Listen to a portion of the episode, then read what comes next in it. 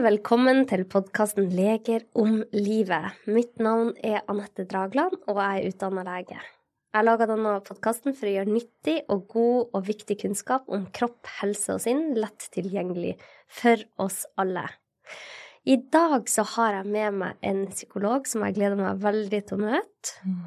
Hun er barnepsykolog. Hun heter Charlotte Mjelle. Hun er også foredragsholder og mamma til to. Charlotte står også bak eh, kontoen Charlotte Mjelle på Instagram, en konto jeg har fulgt lenge selv. Og hun har også foreldreportalen Hjertefamilie, hvor hun snakker om ulike tema innenfor familieliv og psykisk helse. Og så er hun også forfatter av boka Bli klokere på barnet ditt. En praktisk guide til trygge barn med god selvfølelse. Hjertelig velkommen, Charlotte. Tusen takk. Den tittelen på boka di den gjør meg litt sånn varm, eh, for det er det vi ønsker. Ja. Vi ønsker jo å skape trygge barn Mm. som har god selvfølelse. ja. Jeg tror det er målet for de fleste. Mm. Ja, jeg tror det er et tema som veldig, veldig mange foreldre har eh, sjekka innom med seg selv eh, i løpet av de første årene med barna. Mm. Eh, og det blir jo ikke lettere selv om barna blir eldre. Det, Nei, det er det jeg hører folk si. Og mitt eldste barn er jo seks, og så sier tenåringsforeldre sånn Bare vent. og da tenker jeg sånn No! ikke, ikke, det, ikke mer. Nei.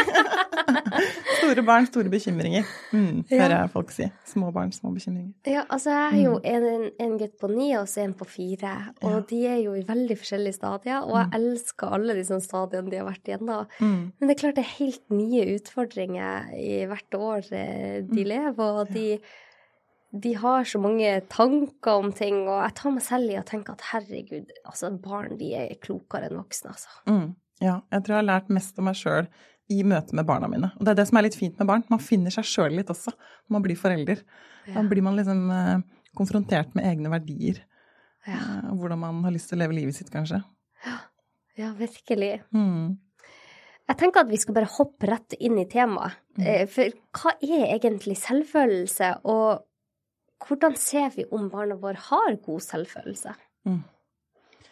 Jeg tenker på selvfølelse som eh, det å liksom tåle hele seg og alle våre følelser. Og det er jo ikke nødvendigvis sånn at god selvfølelse betyr at vi er så innmari flinke eller tøffe eller modige alltid. Det handler mer om det å tørre å være usikker, det å romme vanskelige og vonde følelser. Det er jo nettopp derfor det heter selvfølelse.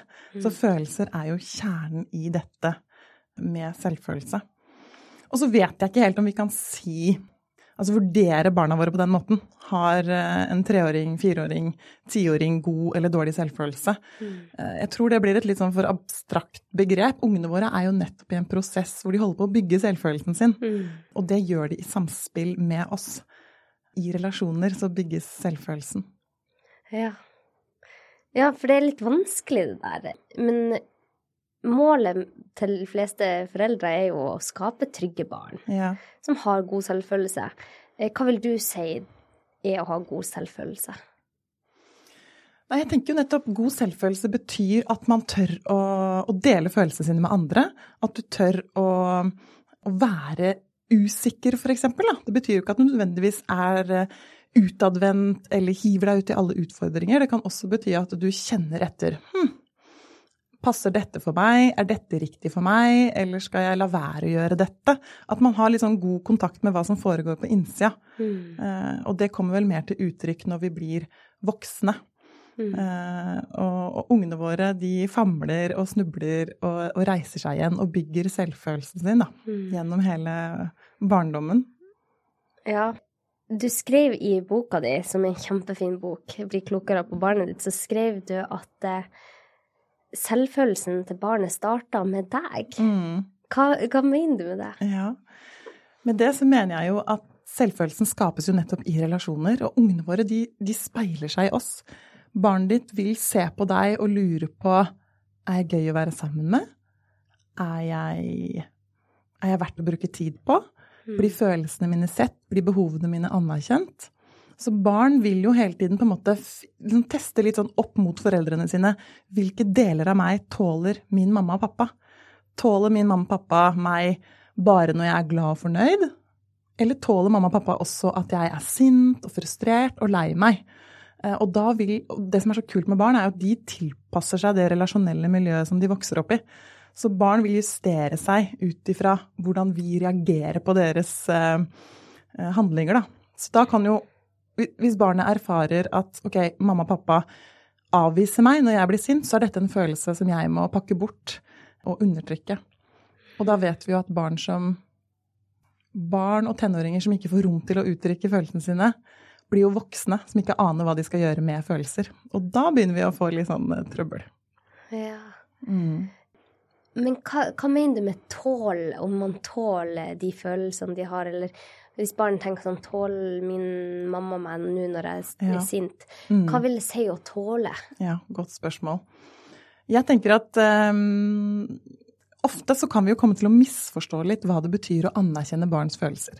Det det betyr å anerkjenne barns følelser, er jo nettopp at vi tør eller tåler eller kan være sammen med barn i vonde følelser, som f.eks. sinne eller tristhet eller frustrasjon, mm. uten å fikse barnets problem. Uten å forsøke å ta ubehaget bort fra barna. Og et eksempel på dette kan jo være La oss si at mitt skolebarn kommer hjem og sier til meg ah, det var skikkelig dumt på skolen i dag, mamma. Jeg ble kalt for en bæsj av de andre. Mm. Og da kan jeg si sånn Ble du kalt for en bæsj? Nei. Uff, nå må vi gjøre sånn eller sånn eller sånn. Eller nei, det er ikke sant, du er ikke en bæsj.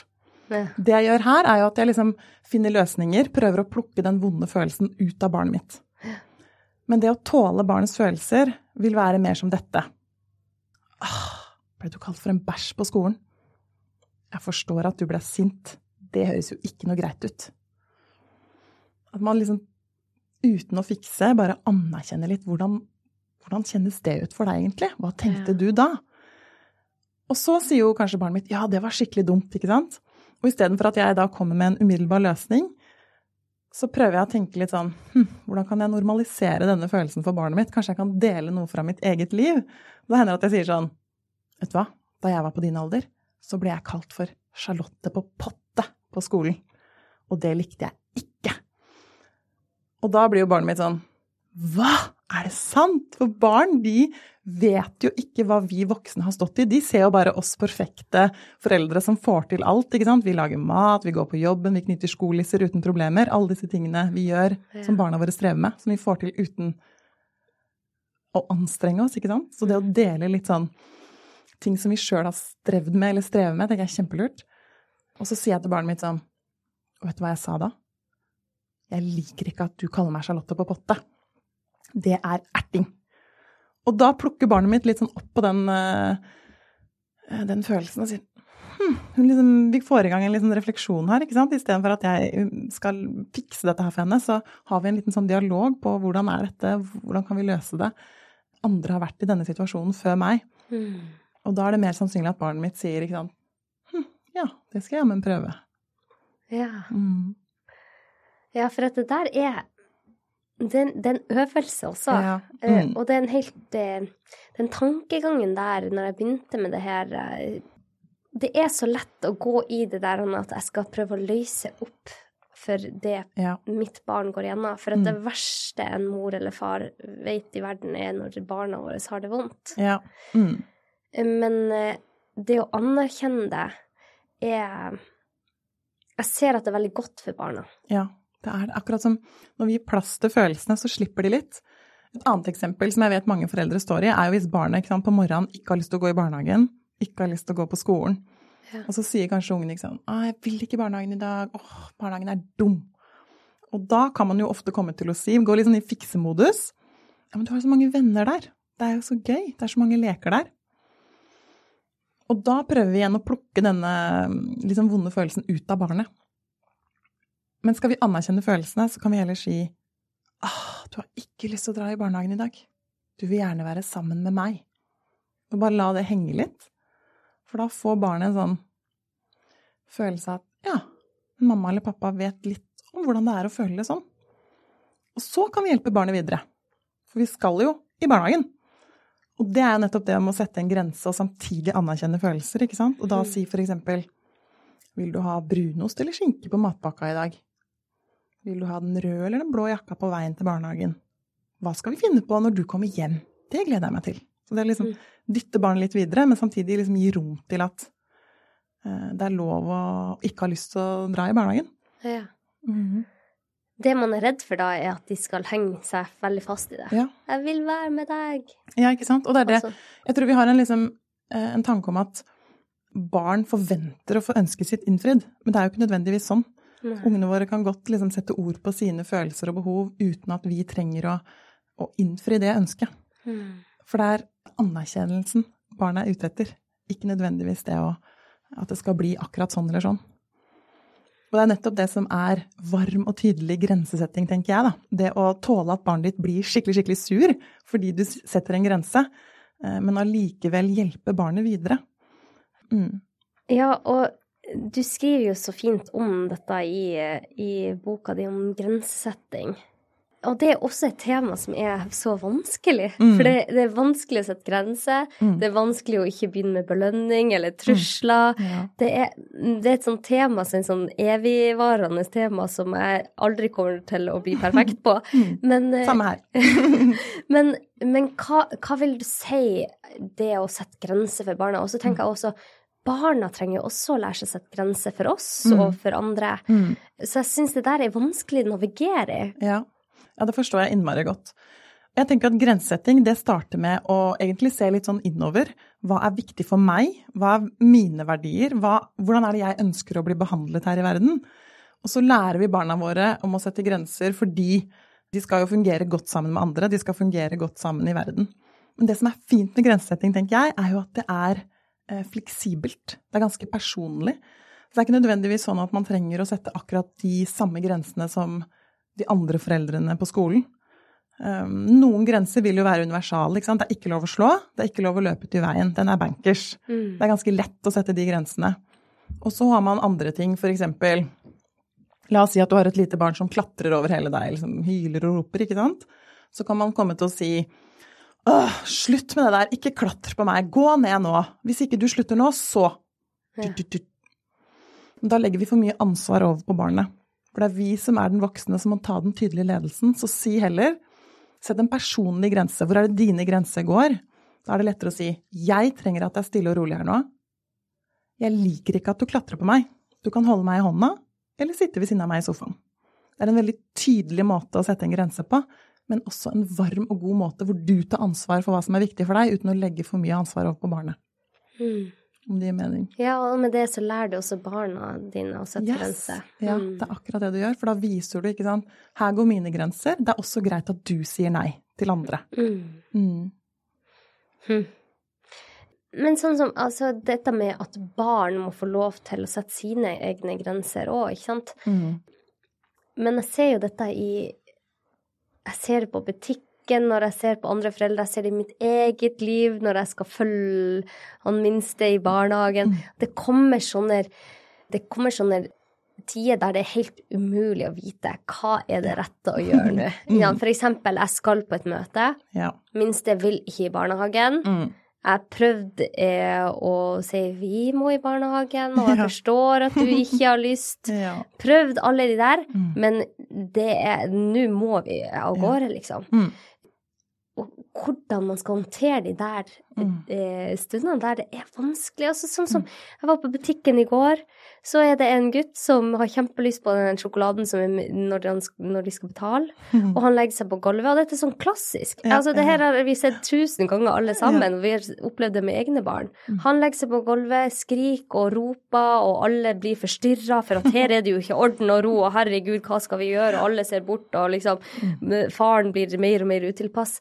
Men det er jo, det, det er jo bare vanskelig å være et barn. ja. For et barn blir satt masse regler på, og, Mm. og jeg føler jo veldig med f.eks. min minste når han ikke vil Ja. i barnehagen, eller med han gutten som har så lyst på den sjokoladen.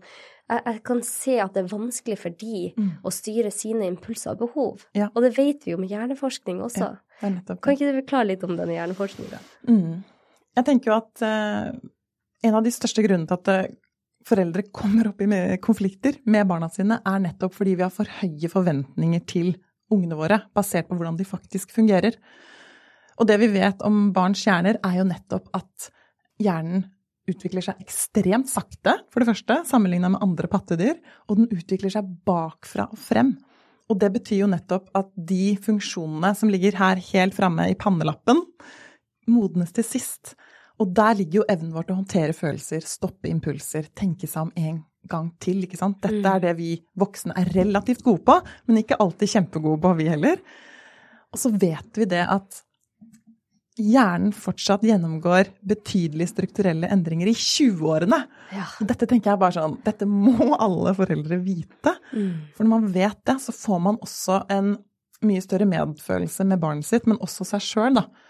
Fordi når dette barnet sant, hylskriker på butikken, eller ungen din ikke har lyst til å være med i barnehagen, og får et kjempestort raserianfall, så er ikke det fordi barnet ditt har lyst til å være vanskelig eller vil trasse eller ødelegge for deg, men det handler om at barnet mangler ferdighetene til å håndtere følelsene sine på bedre måter. Og det er jo nettopp derfor vi skal anerkjenne barns følelser, for det handler om å bygge barnets kompetanse, bygge barnets ferdigheter. Ikke nødvendigvis her og nå, men i fremtiden. Du som forelder må være barnets fornuft når barnets fornuft på en måte kollapser litt, da. Mm. Så det er da vi kommer inn med denne trygge ledelsen. Og det du sa i stad, ikke sant. Ja, hva gjør jeg da når barnet mitt liksom nekter å være med meg ut? Og da tenker jeg at noen ganger så må vi nettopp eh, ta en litt sånn stødigere ledelse, men vi kan samtidig gjøre det med en viss varme, ikke sant. Ah, nå ser jeg at dette blir skikkelig vanskelig for deg. Nå løfter jeg deg opp, og så bærer jeg deg til bilen. Åh, det er så dumt. Men så gjør du det allikevel, selv om barnet ditt hyler og skriker og sparker og alt dette her. Mm. Men du kan fortsatt gjøre det på en varm, empatisk måte. Det er forskjell på å liksom si Nei, nå er det nok, nå tar jeg deg under armen og åh, ikke sant? Mm. Den. Og det å liksom si åh, dette ble vanskelig, men jeg er her for å hjelpe deg videre. Mm. Ja, ja, ja, ja. ja. Jeg vet hva, det er, det er så viktig det du kommer med, og det er så godt at du sier det. Og så tar jeg meg selv i å, det, det er vanskelig. Ja. Men det er jo nettopp det. Det er vanskelig, og da er det så fint å vite at eh, det er jo bedre for ungen din at du er deg med dine feil og mangler, eller at jeg er meg med mine feil og mangler. Jeg pleier ofte, ganske ofte, da, å si til mannen min sånn Jeg er så glad for at ingen på Instagram ser meg nå. Ikke sant? Så det går en kule varmt hjemme hos meg. Jeg er helt vanlig barn. Ja. Eh, Mine barn er ikke superbarn. Jeg er ikke heller en superforelder. Eh, Så det at vi er oss sjøl, da, istedenfor den riktige forelderen, på en måte, er jo mye viktigere. Eh, Og det er så godt poeng du kommer med der, fordi at det å være en riktig forelder finnes ikke. mm, mm. Men det jeg kjenner inni meg, som jeg føler er i hvert fall min sannhet, er at jeg er en god mamma. Og Ja. jeg vet at jeg er en god mamma Ja. for mine to gutter. Mm. Jeg vet at de har det trygt, og at de er fine gutter og Mm. har, har en god oppvekst. Og det prøver jeg å tenke på når det går en kule varmt. Ja. At jeg vet at de har det bra, Mm. men jeg gjør feil, Ja. og det er vanskelig å være en mamma av og til. Det er kjempevanskelig. Jeg tenker jo Det vanskeligste vi gjør, det er jo nettopp å være foreldre, kanskje. Mm. Eh, og derfor så er det jo så rart at vi også får disse barna våre hjem fra sykehuset uten bruksanvisning. Og dette er bare noe vi skal kunne. Og derfor så er jo skammen desto større på en måte når vi ikke får det til, da. Eller er Mm. noe som er vanskelig, eller. Så det er eh, Ja, og den der skammen må vi fjerne, Ja. Mm. Fordi at eh, vi alle foreldre kjenner på den samme skammen. Ja. Når jeg har en gutt i, på butikken, eller ja, sånn som skjedde for kanskje en måned siden, da var vi på senteret, og der på senteret så har de en sånn lekeplass, og så var det dags å komme seg hjem, Ja. eh, og han vil være der. Ja. Og jeg sier nei, nå skal vi gå hjem. Ja. Og så sier han nei, vi skal være her og leke. det er full klinsj. Ja.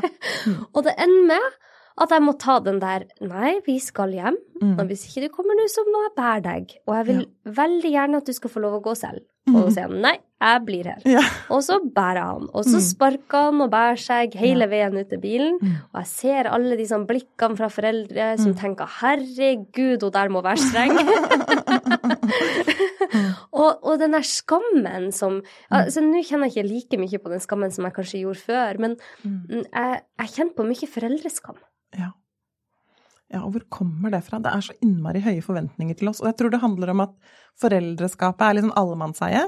Alle mener noe om hvordan vi skal være foreldre, fordi det er veldig, veldig viktig for oss hvordan vi tar vare på egne barn og andres barn, for det er fremtiden vår. Ja. Så det er en sånn Nesten sånn instinkt i oss, tror jeg, at eh, vi er opptatt av hvordan andre oppdrar barna sine. For det betyr noe for alles fremtid.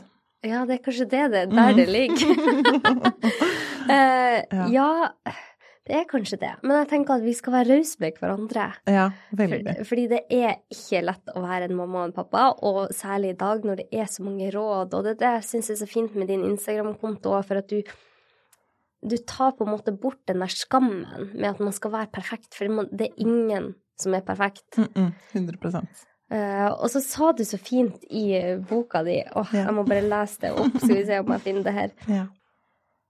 Det handler ikke om å forstå barnet ditt, men om å respektere at barnet ditt kan ha en annen opplevelse eller forståelse enn deg. Mm. Og det syns jeg var så godt skrevet, fordi at min minste, når han vil være der og leke, så er det jo ikke for å være vanskelig mot mammaen sin.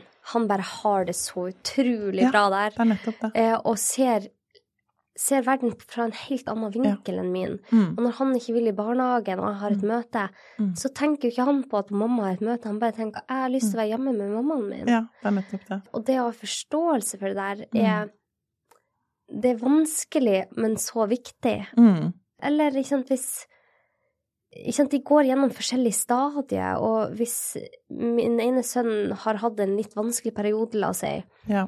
og tar det ut hjemme, Mm. Så handler det ikke om oss, men det er så lett at vi foreldre føler at det er oss det går på. At det er Ja. vi som ikke er gode nok. Det, Mm. Vi får det ikke til. Vi får ikke til å regulere våre barns Mm. følelser. Mm. Men som du sier, deres følelser Mm. er veldig vanskelig å regulere for dem, fordi de har en hjerne som ikke er ferdig utvikla. Og Mm. vi vet jo hvor vanskelig det er å regulere våre følelser, vi voksne. Mm. Kan tenke deg hvor vanskelig det er for et barn hvis han ser en is og får veldig lyst på den isen. Han klarer jo ikke å rasjonalisere for seg selv at det er ikke så lurt før middag. Mm. Og det er jo det Altså jeg pleier å si sånn, Det vanskeligste du gjør som forelder, er jo egentlig ikke å anerkjenne barnets følelser eller sette de grensene. Det er å håndtere dine egne følelser. Når du står der med et barn som er kjempesint eller kjempefrustrert, det å da klare å på en måte respondere da, bevisst på barnets handlinger fremfor å reagere automatisk og Mm. gå helt opp i dine egne og barnets følelser, det er ganske vanskelig. Mm. Men det kan vi jo også øve på, ikke sant? For det handler jo om altså, emosjonsregulering i praksis. Da. Hvordan er det vi som voksne gjør dette og modellerer det for ungene våre? er jo også veldig viktig læring for dem. Å se ok, klarer mamma og pappa å håndtere denne kjempesinna følelsen, da? Ja. Da blir det lettere for barn å akseptere de følelsene også. Hva tror du om dette med å si unnskyld til barna? Hvis det har kokt over, Mm. eh, og du ser på det i fem minutter senere og tenker at det der skulle jeg gjort annerledes, Mm. hvordan kan man snakke med barna sine om det? Ja, det tenker jeg er kjempeviktig. Jeg tenker jo at å gjøre feil, det gjør vi alle, det er helt unngåelig. Men så er det jo nettopp hvordan vi reparerer og hvordan vi håndterer de feilene, det er jo det som betyr noe. Så det å si unnskyld til barn er jo helt, helt sentralt, og kanskje mye viktigere enn at vi nettopp gjør disse feilene.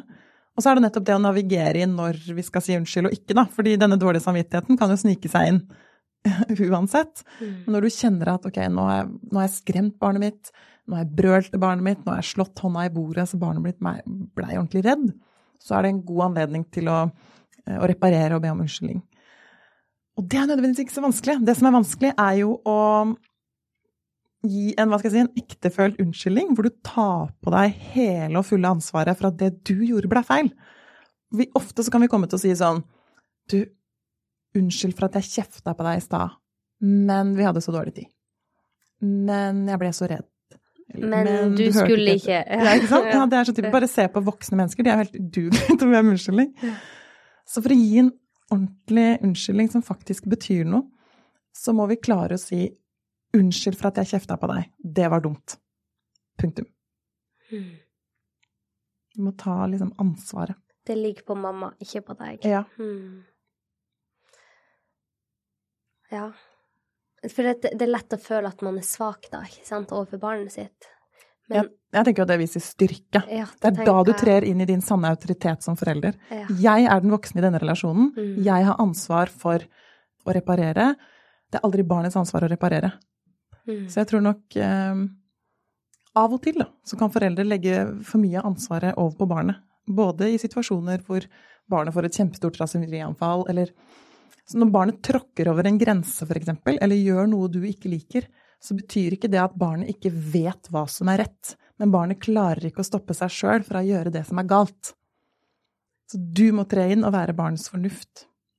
Mm. Det er en litt sånn ting i hvert fall jeg prøver å minne meg sjøl på når jeg står i situasjoner med barna mine hvor det koker, da. Mm. Det tvinger fram min empati. Ja. Mm. ja, altså du skriver jo også i boka, ikke sant, bare eksempel gå ut på kjøkkenet. Si, eh, Istedenfor å eh, Og dette er vanskelig, Mm. Ja, og, og ja, ja. det, det syns jeg teller kjempevanskelig, men av og til får jeg det til, og da Ja. blir jeg stolt av meg selv. Ja. Hvis jeg kjenner at nå koker det, Ja. så sier jeg eh, nå skal jeg bare gå på kjøkkenet, Mm. og så skal jeg puste litt.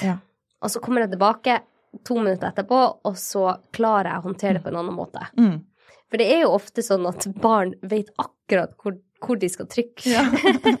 og de gjør jo ikke det med vilje, men det blir sånn at det, det, det er noen grenser som går eh, Eller de har tråkka på akkurat de der ømme punktene dine. Mm. Mm. Og ja, min eldste, han bruker å si nå sånn mamma, skal du bare bort og kjenne på følelsene dine? så flirer han. Så Ja. det, det blir noe humor med, Ja. det at Mm. mamma går og puster litt Mm. eh, hvis eh, sånne ting skjer. Og jeg klarer det ikke hele tida, men det at jeg klarer det av og til, syns Ja. jeg er Da gir jeg meg selv et klapp på skuldra. Og så tenker jeg jo Noen tror jo at vi skal være på en måte milde og varme og pedagogiske. Altså varme skal vi nok være, men altså eh, at vi hele tiden skal bevare roen i samspillet med ungene våre. Og det er jo helt umulig. Det er jo Mm. ikke noe menneske på denne jord som går gjennom en dag og er liksom helt konstant i følelsene. Mm. Så det at du kjenner på irritasjon og frustrasjon, at stemmen din hever seg, at du sier 'nå kjenner jeg at jeg blir skikkelig irritert', det kan du godt gjøre foran barna dine. Forskjellen er jo nettopp om du brøler, om du kaster ting, om du smeller med dørene. For det er jo, da har du ikke kontroll på følelsene dine. Mm. Men du kan godt uttrykke sinne og frustrasjon eh, på en regulert måte, da. Og det er jo det vi prøver å lære ungene våre også, når vi anerkjenner disse følelsene. Ja, ja, og da viste du jo til dine barn at ja, vet du hva, jeg kan også bli sint. Ja, ja, ja. Sinne er en følelse som er helt lov å kjenne på. Yes. Fordi jeg tror det var du som sa det i en podkast, det der med at vi, vi, eh, vi ønsker jo å bare være blid og glad hele tida, men det er ingen som er det. Ingen voksne og ingen barn. Mm. Eh, og det å anerkjenne alle følelser Mm. gjør at eh, de får bedre De føler seg mer trygge Mm. når de har disse følelsene. Mm. Og så er vi, ikke sant, vi vokser jo opp i forskjellige familier. I noen familier så er det kanskje Sånn som jeg vokste vokst opp i en familie med tre brødre. Ja. Mamma og pappa fikk fire barn på fem år. Gudland, jeg er enebarn, jeg, dette. Oi! Ganske kontrast. Det var sikkert veldig stor kontrast Ja, ja, ja. Mm. kjøkkenbordet. Mm. Og så også var det masse liv og røre til enhver tid, og vi hadde alltid med oss masse barn hjem. Ja. For det har vært veldig viktig for min mamma å ta vare på barnet rundt oss. Og Mm. så det var alltid fullt hus, Ja. og alltid masse bråk og krangling og masse kjærlighet. ja. Så jeg føler ikke så mye skam rundt det å bli sint. Men, men hvis man har vokst opp i en familie der det ikke er lov, eksempel, Mm. eller at vi skal ha ro her, Ja. eh, så er det jo vanskelig å håndtere den følelsen. Mm. ja. Eh, og jeg har jo vokst opp sikkert med ting som jeg ikke skulle kjenne så mye på. Vi, vi, vi Mm. vokser opp i forskjellige Ja, eh, familieliv, men Mm. kanskje, det, eh, kanskje det er fint å bare sjekke innom seg selv. Er det noen følelser jeg kjenner skam på? Mm. ja. Og det er jo veldig on point, tenker jeg, det du snakker om her, fordi alle foreldre har jo med seg sin egen ryggsekk. Vi har med oss noen ting fra egen barndom. Akkurat som våre barn har en tilknytning til oss, så har vi en tilknytning til våre foreldre. Og den kan være trygg, eller den kan være utrygg. Og den sier noe om hvordan vi har lært å forholde oss til andre mennesker. For det er faktisk sånn at hvordan dine foreldre var i samspill med deg i barndommen, har en direkte konsekvens for hvordan du er med dine barn nå. Vi gjentar på en måte de mønstrene. Ja, ja. Men vi tror ikke vi gjør det, men vi gjør nei, det. Nei, og det, jo eldre man blir, jo mer ser man jo bare sånn Hva? Er det mamma som kom ut av munnen min nå? Man blir mer og mer like foreldrene sine, på en måte. Det er Ja. veldig rart, det der. Ja.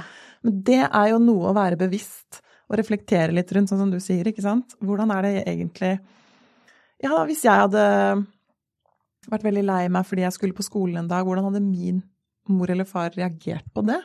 Reflektere litt rundt det, for da blir man jo klar over hvilke automatiske mønstre man har med seg, og så kan man eventuelt bryte litt ut av det, da. Hmm. Kan vi gå litt inn på det der med, eh, med å ikke gi belønning, eller tenke seg om når man gir belønning, og tenke Ja. seg om med, med trusler? Ja. Fordi at det, det er eh, det, det der er vanskelig. Mm. Em, hvis man ønsker å få barnet sitt til å gå ut med søpla, f.eks., ja. uten at de skal få en belønning for det. Mm. Hvordan gjør man det i praksis? Er det forska på? Hva, hva kan man gjøre? Godt spørsmål. Jeg tenker jo at eh, vi må spole litt tilbake, kanskje. For det å bidra i hjemmet med husarbeid, det trenger nødvendigvis ikke være en oppgave for barnet. Det er bare noe vi gjør. Her i familien hjelper vi hverandre, her i familien bidrar vi. Det er på en måte en satt forventning. Så fort vi begynner med belønninger, Mm. så blir det en ytre motivasjon for barnet å gå ut med den søpla. Men det vi ønsker, er jo at det skal være indre motivert, ikke sant. Vi vil eh, Jeg tenker også det er bra for barn å gjøre noe for andre. Og kjenne på at alt handler ikke alltid om meg. For det er jo et, eh, også en ting i samfunnet vårt at vi er veldig sånn meg og mitt barn først. Og derfor Mm. blir vi også veldig sånn opphengt i eh, mitt barns beste, mitt barns lykke. Mm. Eh, og det også er litt å stikke kjepper i hjula for ungene våre. Så jeg har ikke noe fasitsvar på hvordan du får ungen din til å gå ut med søpla. Eh, Har du ikke det, Nei, jeg har ikke det. Men uh, Men jeg syns det er veldig fint det du sier, at det skal være indre eh, motivasjon her. Og kanskje bare det å snakke med barna sånn her i vår familie, mm, så hjelper vi hverandre. mm. Det syns jeg var veldig fint. Ja, det er noe med å sette litt sånn standarden for hvordan, hvordan er det Hva er våre verdier her i familien? Mm. Eh, og sette opp en helt klar forventning til barnet ditt. Og så betyr jo ikke det at eh, Ja, for en tenåring vil jo kanskje også si nei, det nekter jeg, ikke sant? Og da kan man jo ha noen rammer og noen tydelige forventninger, ikke sant? At jeg vil gjerne at du rydder rommet ditt, du bestemmer når det blir, men jeg vil at du gjør det før jeg kjører deg på fotballtrening. Og da kjører ikke du det barnet på fotballtrening før det rommet er rydda, ikke sant? Så man har noen sånne klare forventninger. Ikke nødvendigvis trusler, men dette er den forventningen jeg har til deg. Ja. Gi og ta. Ja, ja, ja, ja, Mm. Hvordan, Charlotte, kan vi hjelpe barna våre å føle at de er trygge, at de er trygge på seg selv, at de føler en ro med seg selv, og at de blir robuste og har god selvfølelse? Ja, det er et veldig stort spørsmål. Jeg tenker vel inne på mye av det allerede. Det er jo nettopp dette. Det starter jo helt fra de er bitte små, ikke sant? Med at vi blir kjent med de, og, og gjør det vi kan for å bygge den trygge tilknytningen. Og det gjør vi jo mye av oss sjøl. Vi kjenner etter. Skal jeg gjøre sånn eller sånn? Skal jeg gi barnet mitt litt space nå, eller trenger barnet mitt litt nærhet nå? Eh, Så det å bli kjent med seg sjøl og barnet sitt er jo kanskje pri én, da. Du kjenner barnet ditt best. Mm. Og så trenger barn ulike ting. Vi har forskjellige barn. Og det føler jeg blir litt lite anerkjent, egentlig. Vi har en slags mal om hvordan barn skal være. De skal gjerne være utadvendt, gå lett overens med andre, gjøre sånn og sånn og sånn. Ja. Og så har vi jo noen barn som er veldig tilbaketrukket og sjenert. Og da kan vi få en veldig trang som foreldre til å liksom pushe barna våre ut der. De må være sånn, de må være mer sosiale, stå mer opp for seg sjøl, gjøre sånn eller sånn eller sånn. Istedenfor at vi tar et kraftig steg tilbake og la barnet finne litt ut av ting sjæl. Mm. Og det å liksom Kanskje det er fint å være litt sjenert, for da har man ekstra god kontakt med det som foregår på innsida. Ok, så er man ikke nødvendigvis den som kaster seg ut i fellesskapet først. Men i ungdomstida så vil jo det være en god ting. Da vil du ikke at barnet ditt skal være den som kaster seg ut i det først. Da vil du være at ungdommen din skal kanskje være den som Mm. gjør en ekstra vurdering, ikke sant. Hvordan skal jeg forholde meg til dette? Og så har vi barn som er høyt og lavt med masse energi, som ikke nødvendigvis passer så veldig godt inn i den klasseromramma, da. Hvordan skal vi tilrettelegge for det? Ja, og det, du, sant, det du sier her, at du er opptatt av at vi kjenner på vår egen uro Mm. når vi ser at Altså, for vi alle ønsker perfekte barn. Hadde de bare gjort sånn og sånn Ja. og vært superflinke i sport og i, på skolen og rydda hjemme og vært blid, så hadde jo alt vært eh, bra her i huset. Mm. Eh, men det er ingen som har sånne barn. Nei. Og så hvordan følelser, hvor- hvordan kjennes det ut for deg som forelder Mm. når ditt barn ikke er sånn som du hadde forventa at det skulle være? Ja. For det er masse følelser som mm. sitter hos forelderen. Mm. Og det har jeg kjent masse på selv. Ja. Kjent jeg, jeg sitter med det selv. Det, det er på meg. Mm. Det er jeg som kjenner en uro. Mitt Mm. barn kjenner ikke på et Nei, uro Det for det. Mm. Så jeg skal ikke påføre han uro for noe jeg kjenner uro for. Nei. Og det å kjenne etter det, og bare være litt bevisst det, Ja. har i hvert Mm. fall vært eh, veldig til hjelp for meg selv. Ja. Mm. ja, helt enig. Mm. Ja, så vi legger vi, vi, er, vi legger jo kanskje mye på barna òg, men så er det jo sant, vi, vi lever også i et samfunn som er Det gjør det kanskje av og til vanskelig også å være eh, uthvilt, Mm. tålmodig, Ja. komme med alle de ressursene vi har som voksen, for at mange av oss har krevende jobber. Mm. Vi jobber kanskje veldig mange timer hver dag. Mm. Og så har vi på en måte brukt opp mye av batteriet vårt. Mm. Og så får barna våre de siste 30 Ja. når de kommer hjem. Mm.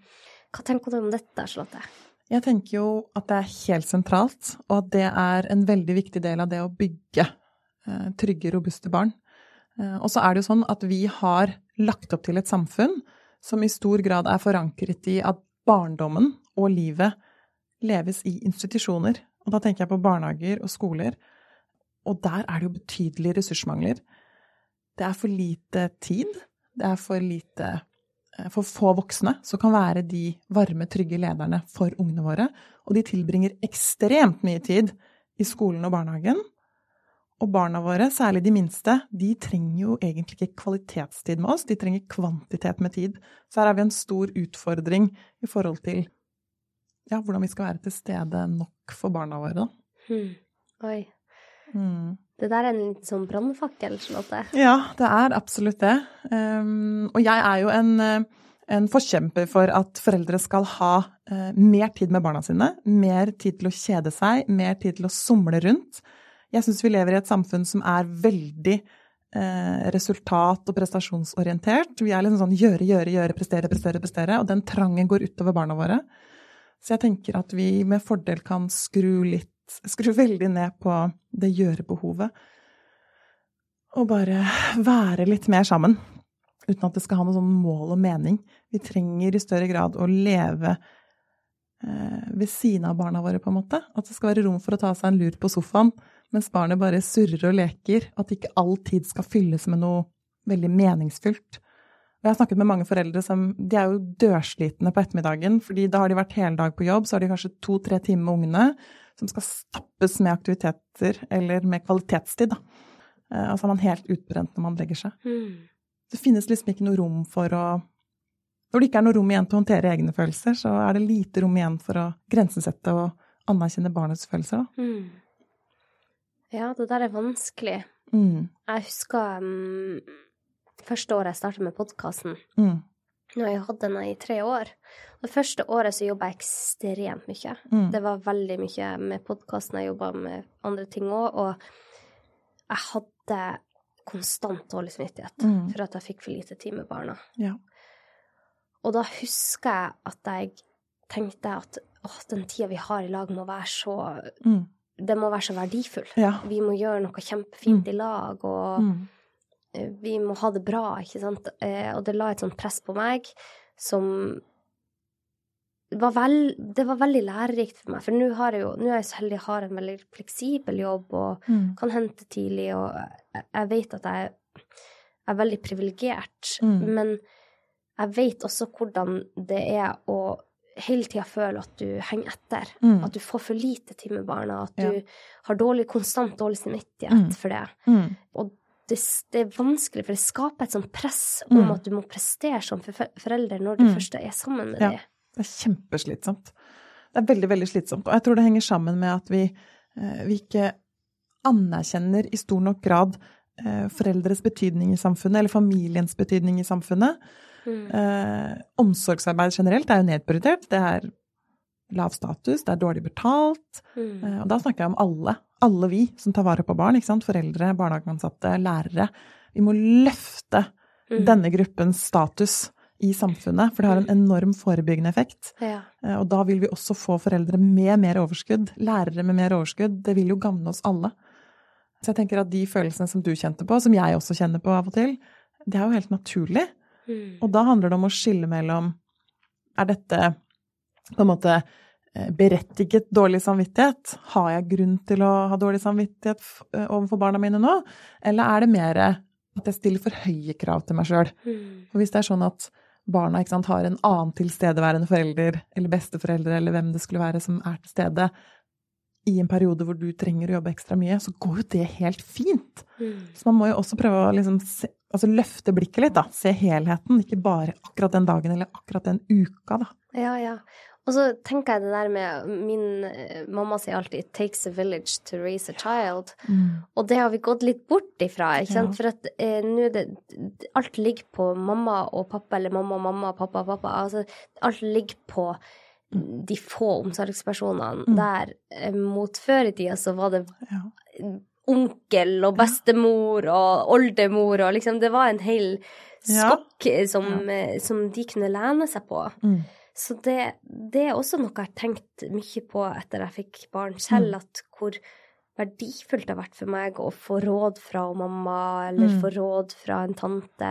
Mm. Og du får også masse råd som du ikke vil høre på. Ja. Men, men det kan du velge selv, ikke Ja. sant? Men det, det, det er så mange Altså, det er ikke bekymringsfritt å være en forelder. Nei. Og Det det, å kunne dele den bekymringa med Mm. andre og snakke med dem om det, kanskje få andre innfallsvinkler, Mm. det er kjempeviktig. Og også det med lærere og pedagogene i barnehagen. Snakke med de, lære av de. Altså, jeg, det, jeg tenker at eh, dette samfunnet Jeg skulle ønske at vi hadde mer mulighet for Mm. å spille på enda flere, da. Ja, jeg tenker jo det.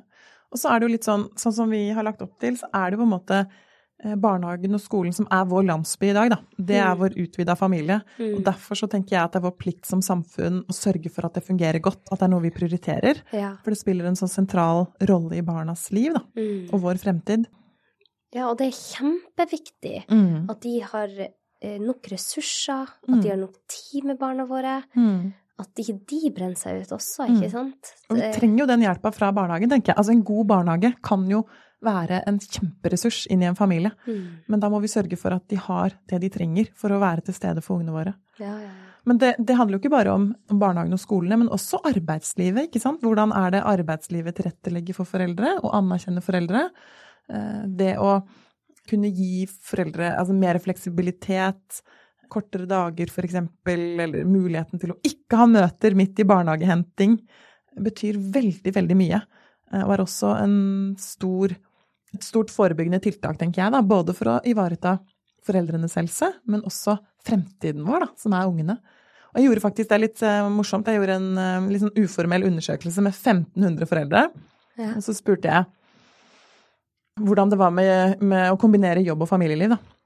Og da svarte 47 at de hadde bytta jobb eller slutta jobben etter at de ble foreldre, fordi det var så krevende å kombinere jobb og familieliv. Oi. Det er en helt sinnssyk Halvparten. Ja, halvparten. En helt sinnssyk prosent. Ja. Mm. Oi, det sier litt ikke sant, om den mentale belastningen det er da, å være 100 jobbende forelder. Um, ja. det er krevende. da. Og det er jeg litt opptatt av å anerkjenne. Altså, første steg til mindre dårlig samvittighet og mer ro som forelder er nettopp å anerkjenne det faktum at det er skikkelig hardt å være forelder. Mm. Av og til. Ganske ofte. ja. Mm. Å, herregud. Og vi alle ønsker våre barn det aller beste. Mm. Og så er vi forskjellig bygd, og jeg tenker også at det er viktig å på en måte presisere at vi er Jeg er en forskjellig mor fra deg igjen, Mm. og at eh, Ja. vi har forskjellig temperament, vi har forskjellige kulturer innad i Ja. familier. Mm. Og jeg kanskje ikke For jeg får en del spørsmål, for jeg hadde noen episoder om dette med barneoppdragelse før, og da får jeg veldig mange spørsmål etterpå. Så, Ja. hvordan skal jeg gjøre det akkurat der, og hvordan skal jeg gjøre det i denne situasjonen? Og, Ja. og jeg vet ikke, for jeg syns det er vanskelig selv, Ja, ikke sant? Men, Mm. men jeg tenker at hvis du klarer å skape et sted der barna dine føler seg trygge, Mm. så har man kommet utrolig langt. Mm. Og det starter jo nettopp med det som du var inne på i stad, tenker jeg.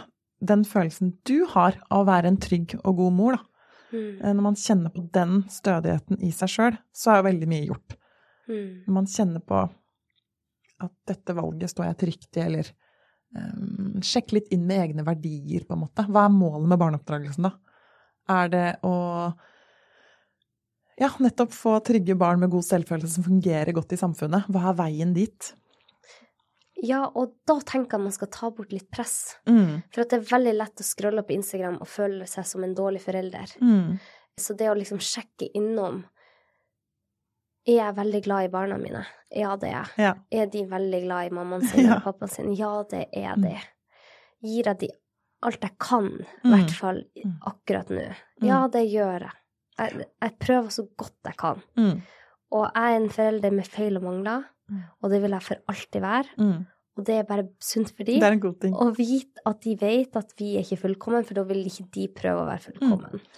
Ja, og det er nettopp det vi var litt sånn inne på i stad, det her med å, å dele litt med barnet ditt eh, hva du har vært igjennom, hva du strever med, ikke sant? Fordi eh, de vet jo ingenting om det. Du kom jo på en måte ferdig produsert til de når de ble født, ikke sant? Da har du vært igjennom all, mye forskjellig, ikke sant? De vet ikke om den jobben du aldri fikk, den eksamen som du ikke klarte å gjennomføre fordi du var så nervøs, eller at du en gang var kjemperedd for å snakke foran folk. Mm. Altså disse tingene, eller at, å dele historier fra egen barndom er også veldig virkningsfullt. Eh? Da jeg var på din alder, så var jeg også kjemperedd for mørket. Men da var mormor der og passa på meg. Og se nå, nå går det fint. Det å liksom dele litt mer av våre egne sårbarheter med barna våre. Prøv det, for at, og se hvilken effekt eh, det gir. Mm. Ja, det var fint. Mm. Det kjenner jeg med en gang at det er rett. Kjente. Det å, Ja. å gjøre sånt, det Mm. Og de elsker å høre om sånne ting. Elsker det. Ja, ja, ja. Og bare se hvor overraska de blir, ikke sant? Jeg, jeg har fortalt noen ting til mine unger hvor de er sånn Hva? Er det sant? Har det skjedd med deg, mamma? Var pappa sånn? Ikke sant? Ja. Det er så virkningsfullt, da. Det betyr så mye for dem. For det, barn trenger å kjenne seg igjen. Det gir også en trygghet. Og ikke, fordi følelser er jo ikke farlig, ikke sant? Det som er eh, skummelt, er å kjenne seg aleine i følelsene. Det er Mm. det som er skummelt. Så det å bare føle at noen andre forstår, eller mamma eller pappa har evnen til å sette seg inn i mine sko, eh, det har en veldig sånn tryggende og forløsende effekt på barnet. ja. Det er fint. Mm. Tusen takk for at du tok deg tid til å komme hit og snakke med oss i, som lytta til. Eh, jeg syns det det er så fint å bare mm, sjekke innom dette temaet, fordi at eh, jeg trenger i hvert fall selv å bli påminnet sånne ting. Ja.